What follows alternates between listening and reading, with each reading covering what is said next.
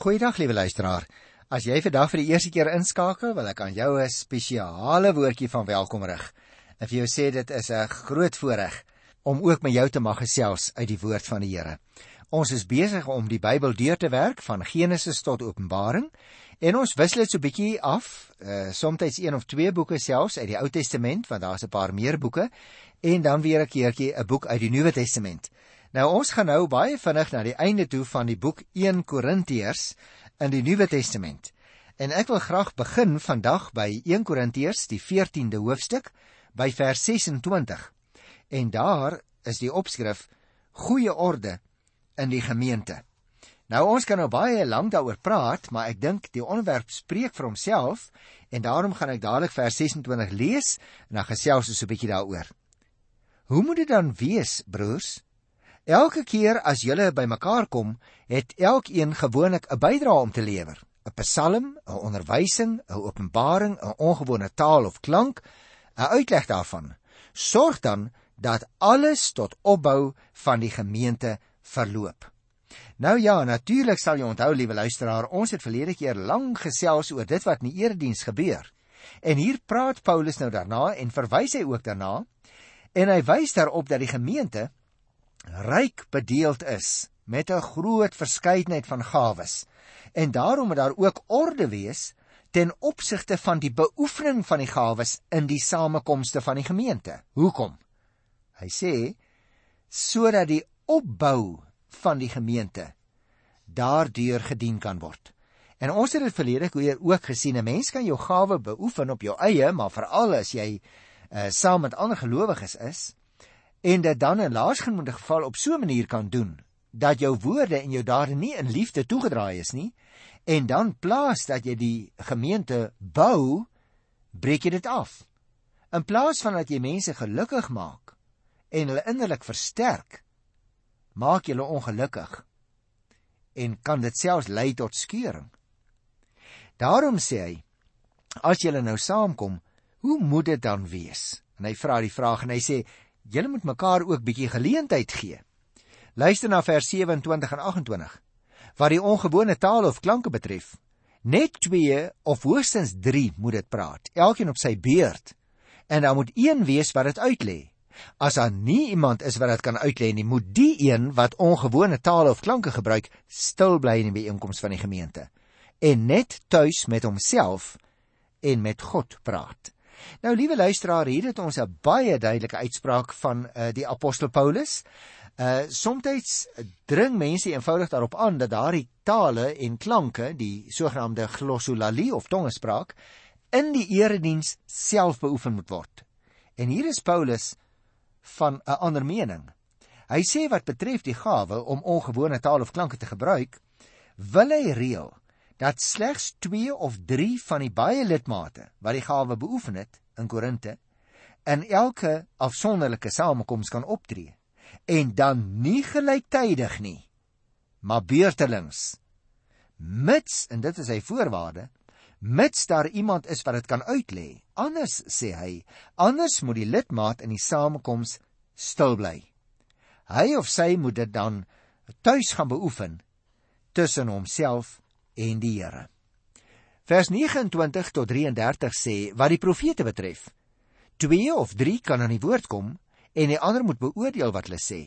Maar as 'n ander een wat daar sit 'n openbaring ontvang, moet die spreker stil bly.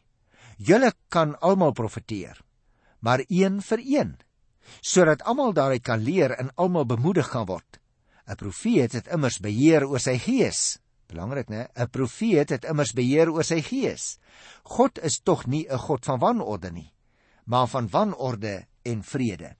Die apostel sê dus ook wat betref die beoefening van die gawe om God se boodskap te verkondig, moet nie aan 'n onbeperkte aantal in 'n samekomsgeleentheid daarvoor gebied word nie, maar slegs aan 2 of 3 terwyl die ander profete moet beoordeel wat gesê word omdat daar altyd die gevaar van 'n valse leer bestaan waardeur die gemeente geskaad kan word.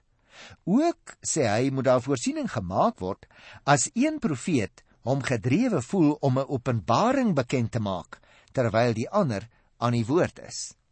Jy sien as liewe luisteraar, ons kan, ek wil dit weer eens sê, nie sonder meer kategories as 'n stelling poneer en sê daar mag niemand anders as die leraar in die gemeente optree nie.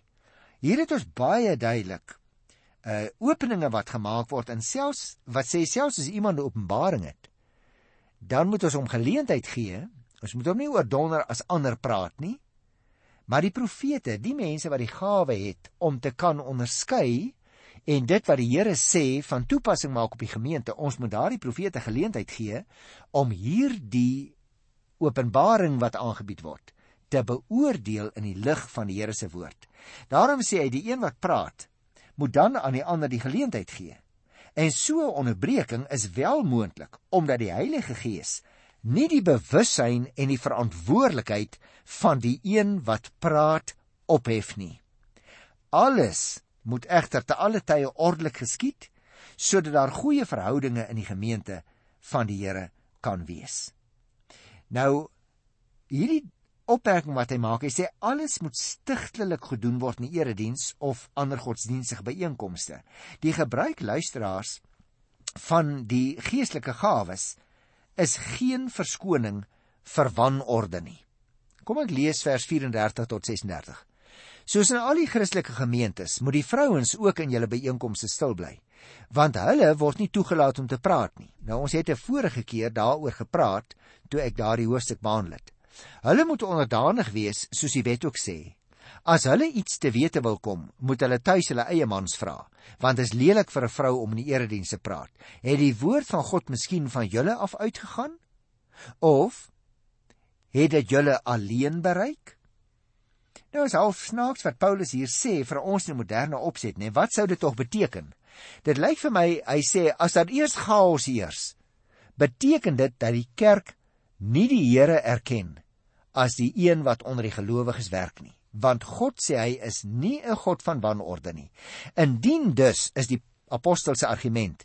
Indien dus te veel mense die ere nie in die erediens sou voorgaan bestaan die gevaar net soos by die heidene sê hy dat die leer verdraai word omdat elkeen sy eie insigte kan verkondig vir alles almal te gelyk begin praat. Die getroude vroue moet ook nie in die onderlinge redenasies met hulle mans in die erediens betrokke raak nie, sê hy, maar eerder tuis oor sulke sake by hulle mans navraag doen. Nou moet ons natuurlik onthou, liewe luisteraar, in daardie samelewing sou dit die indruk skep dat die vrou nie haar man se gesag oor haar erken as sy uh, in die openbaar van hom sou verskil nie. En ons het daaroor gepraat toe ek daardie gedeelte behandel het. Kom ons kyk na vers 37 en 38. Iemand wat dink dat hy 'n profeet is of 'n ander gawe van die Gees besit, moet erken dat wat ek aan julle skrywe 'n bevel van die Here is. Maar as iemand dit nie erken nie, sal God hom ook nie erken nie. Paulus voorsien hier nou dadelik die moontlikheid dat sekere persone sy voorskrifte kan weerspreek, omdat hulle hulle daarop mag beroem dat hulle meer geestelik as die ander is en oombliklik waarsku hy daarteenoor want jy sien geestelike meerderwaardigheid is 'n geweldige gevaar in 'n gemeente. Hy verklaar dat as hulle die gawe van die Gees besit, dat hulle dan sal erken dat sy voorskrifte van die Here afkom.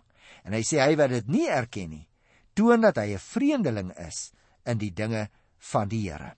En daarom wil ek afsluit hierso met vers 39 en 40. Daarom, my broers, beywer julle om te profeteer en moenie die gebruik van ongewone tale of klanke verhinder nie. Alles moet egter gepas en ordelik geskied. Ek het dit al van tevore gesê en iemand het ook vir my 'n briefie in die verband geskryf, maar hier is die Bybel sonder enige uh, teenspraak baie duidelik dat die ongewone tale of klanke nie verhinder mag word nie. Maar daar is 'n beginsel, reëling. Alles moet egter gepas en ordelik geskied. Nou liewe luisteraars, julle gehoor by die aankondiging van die program net nou, ons gaan ook so 'n bietjie praat oor die opstanding van Christus. Nou moet ons onthou, Paulus was nie persoonlik by nie. Paulus is besig om sy briewe te skrywe en ek het al van tevore vir julle gesê dat Paulus se briewe eintlik voor die evangelies nog op skrif was. Toe was sy briewe al geskrywe. Daarom in 'n sekere sin gee hy 'n interpretasie. Hy is nie so seer geïnteresseerd om die gebeurtenis te beskryf nie, maar hy gee interpretasie daarvan. En ek wil eers 'n bietjie met jou in die algemeen gesels voordat ek die eerste 11 versies van 1 Korinte 15 gaan behandel. As ek dit in een uh sinnetjie moes saamvat, dan sou ek wou sê dit gaan hier daaroor. Die belangrikste feit om te weet is die opstanding. En luisteraars, ek wil dit onderstreep omdat die evangelies nie net die verhale vertel nie, maar Paulus se hele bediening klem lê op die belang van die opstanding van Christus. As daar dus mense in ons tyd is wat meen hulle het 'n wonderlike geheim ontdek en dat die Here Jesus nie werklik fisies opgestaan het nie, dan wil ek vir jou sê dit is nie nuus nie, hoor. Dit was in die tyd van die Here Jesus al reeds 'n ou kettery. Want toe die disippels gaan getuig het van sy opstanding, was daar mense wat dit ontken het. Dit is dus ook nie vreemd dat daar selfs in ons tyd 2000 jaar na die opstanding mense sal wees wat sê ek aanvaar dit nie. Jy en ek wat die gesag van die woord van die Here aanvaar en wat alles aanvaar wat hier staan, liewe luisteraar, hoef nie daardeur gestuur te wees nie.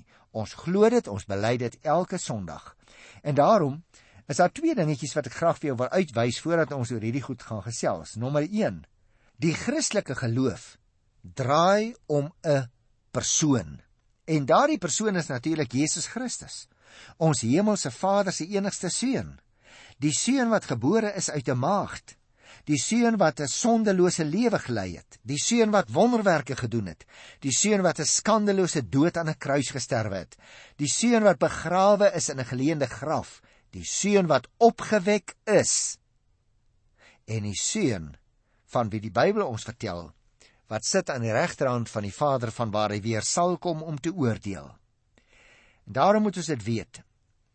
Jy en ek en enige ander ander persoon word alleen 'n Christen deur die genade van God. Openbaring 3:20 sê kyk ek staan by die deur en ek klop. As iemand my stem hoor en die deur oopmaak, sal ek ingaan en saam met hom maaltyd hou.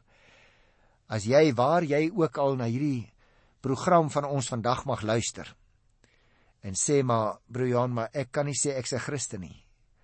Maar jy ervaar dit dat die Here deur die program met jou praat dan wil ek vir jou sê maak oop die deur want op grond van die Here se woord se gesag mag ek vir jou sê as jy oopmaak sê hy dan sal ek inkom en saam met jou maaltyd hou.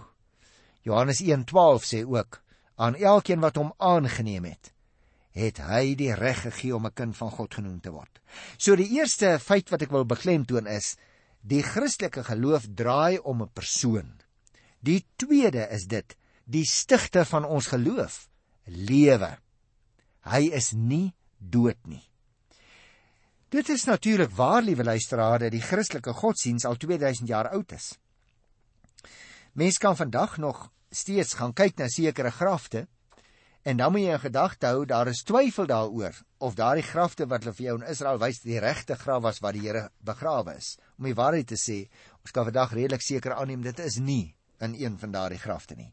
Maar dit is nie vir ons van belang nie. Ons lewe nie uit die bewys van ons godsdiens nie. Ons leef uit die gelowige aanvaarding wat die Bybel sê.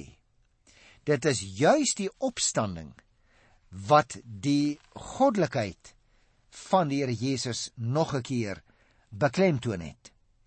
En daarom twyfel ons nie daaraan dat hy opgestaan het nie, liewe luisteraar, en wil ek nou graag 'n paar van hierdie gedagtes met jou verder deel uit 1 Korintiërs 15, sy eerste 11 versies.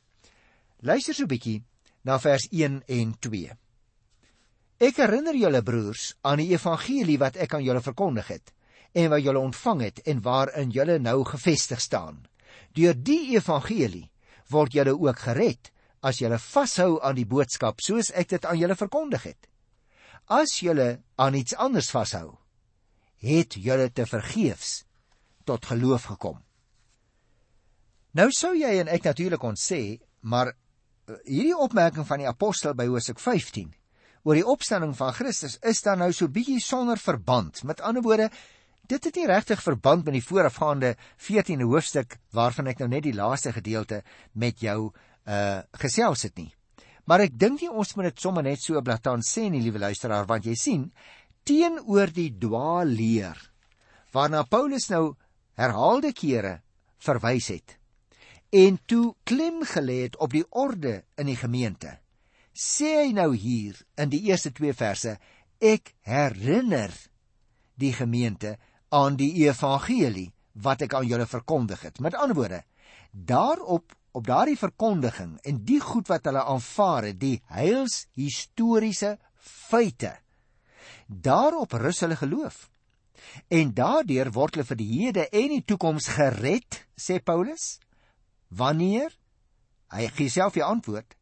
As hulle daaraan vashou op die manier wat hy aan hulle verkondig het. Met ander woorde, liewe luisteraar, in elke kerk is daar mense wat nog nie glo nie. Ons moenie dink al die mense in die kerk glo en is gered nie, hoor. Party is nog besig om die rigting van die geloof te beweeg, terwyl ander gewoon voorgee dat hulle glo. Soos jy, jou broer Johan, maar dis hom, dis 'n bietjie kwaai uh, jy's in gemeente dominee. Broers en susters, ons gaan nooit uitgaan van die aanname dat elkeen wat in die erediens sit, reeds gered is nie.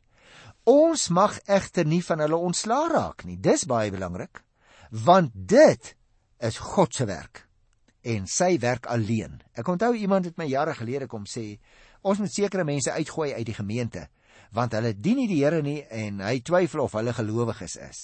En weet jy, Op die lange duur is daardie ou wat die aandrang kom maak het, lank al weg uit die gemeente. En daardie mense, na wie hy so sinies verwys het, is mense wat die Here dien in groot getrouheid en ook getrou in die erediens is.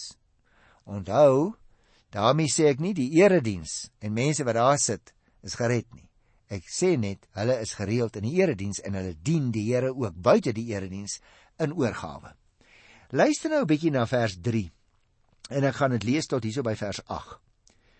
En hier kry ons 'n wonderlike oorsig van die opstanding van die Here Jesus.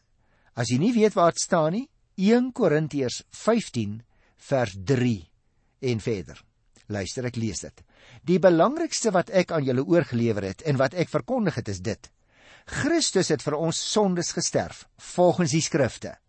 Hy is begrawe en op die 3de dag opgewek volgens die skrifte. Hy het aan Sefas verskyn, daarna aan die 12, daarna aan meer as 500 broers te gelyk, van wie sommige al dood is, maar die meeste nou nog lewe. Daarna het hy aan Jakobus verskyn en toe ook aan al die apostels. Heel laaste het hy ook aan my, die ontydig geborene, verskyn. As jy dus gedink het, liewe luisteraar, dat dit maar net die klomp aposteltjies was, 'n klompie disipeltjies was wat die opstanding gesien en beleef het, hier sê Paulus aan hoeveel mense die Here Jesus na sy opstanding verskyn het. Daarom moet ons onthou daar sal altyd mense wees wat ontken dat Jesus opgestaan het. Daarom gaan Paulus nou hier in sy eie tyd alreeds uit sy pad om name te noem van getuies wat die Here Jesus se opstanding gesien het omdat hy aan hulle verskyn het na hy opgestaan het. Sy opstanding is 'n beslissingsgebeure van die Christelike godsdiens. Ons moenie daaroor twyfel het nie. Interessant hier in die 15de vers, hier praat hy van Jakobus en ek wil net tussenin sê hierdie Jakobus was waarskynlik die broer van die Here Jesus. Hy wou aanvanklik nie glo dat die Here Jesus wel die Messias is nie. Gaan kyk maar in Johannes 7 by die 5de vers. Maar hy het gelowig geword nadat hy eers die opgestane Here gesien het. Met ander woorde, die Here Jesus se eie broer was aanvanklik baie skepties toe hy in Galilea begin optree, hy wat Jesus is. En dis eers na die Here Jesus se opstanding dat die opstanding so 'n geweldige indruk gemaak het op sy eie broer Jakobus dat hy begin het om die Here Jesus te dien. Tussen hakies, miskien het ek dit al gesê, ek weet nie, hierdie Jakobus, sy eie broer, het ook later die leier van die gemeente in Jerusalem geword. Gaan kyk maar aan Handelinge 15 vers 3. O ja, ek het seker gesê toe ons dit behandel het. Die boek Jakobus tussen hakies in die Nuwe Testament word dan ook aan hierdie eie broer van Jesus gekoppel. Paulus se belangrikste wil ek amper vir jou sê, liewe luisteraar, kwalifikasie as apostel. Onderstreep hy hier en dit was geleë in die feit dat hy die opgestane Christus gesien het. Gaan lees maar Handelinge 9 vers 3 tot 6 hoe dat die Here Jesus persoonlik aan hom verskyn het op sy pad na Damaskus. Luister nou na vers 9 hier by 1 Korinte 15. Ek is immers die geringste van die apostels. En ek is nie werd om apostel genoem te word nie, omdat ek die kerk van God vervolg het. Ek kan nou net daarna verwys. En hier maak hy direk daarvan melding. Ek dink dit was seker 'n hartseer ding in Paulus se lewe tot sy sterfdag toe. Want jy sal onthou, Paulus was voorheen 'n toegewyde Fariseer. Dus was hy ook 'n gesweere vyand van die Christene. Sy gesindheid teenoor hulle was so erg dat hy hulle selfs aktief begin vervolg het voordat hy nog 'n Christen geword het. Dit was natuurlik ook, liewe luisteraar, waarom hy, uitdruklik gesê het dat hy nie waardig was om 'n apostel of 'n boodskapper van die Here Jesus Christus te wees nie. Hy praat dus van homself in die 8ste vers as 'n ontydig geborene.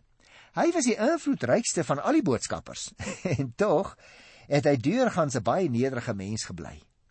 Hy het geweet dat hy hard gewerk het en baie bereik het, maar hy het ook geweet dat dit net aan die genade van God toegeskryf kon word. Opregte nederigheid, liewe luisteraar, beteken nie dat 'n mens jouself verkleineer nie, maar dat jy erkenning sal gee aan die Here se genadewerk in jou. Om nederig te wees beteken dat 'n mens jouself sal sien soos God jou sien en erkenning sal gee aan sy genadewerk waardeur jou vermoëns ontwikkel is want jy het beslot van sake alles wat jy en ek ontvang het van die Here ontvang. Paulus was net eintlik maar die vlagdraer, as ek nou 'n moderne woord gaan gebruik. Hy was nie die vlag self nie. Sy optrede het dit gewys dat hy dit geweet het. En daarom wil ek afsluit met vers 10 en vers 11 vir vandag. Maar deur die genade van God is ek wat ek is. Jy sien hy hy het hierdie wonderlike dinge van die Here Jesus geweet en hy het dit verkondig. Maar hy het nie homself op die voorgrond gestoot nie. Hy sê deur die genade van God is ek wat ek is. Sy genade aan my was nie te vergeefs nie, inteendeel. Ek het harder gewerk as hulle almal. Eintlik was dit nie ek nie, maar die genade van God wat by my is. In elk geval, of dit ek is of hulle Dit is wat ons verkondig en dit is wat julle geglo het. Met ander woorde, as ek dit mag saamvat. Paulus sê dat hy harder as die ander apostels gewerk het. Dis 'n hoogmoedige uitlating van sy kant nie, liewe luisteraar. Hy het immers geweet dat die genade en die krag van God alleen afgekom het. Hy het dit duidelik gesê in die 9de vers hierso. Dit het vir hom ook nie saak gemaak wie die hardste gewerk het nie. Hy sê dit ook in vers 11.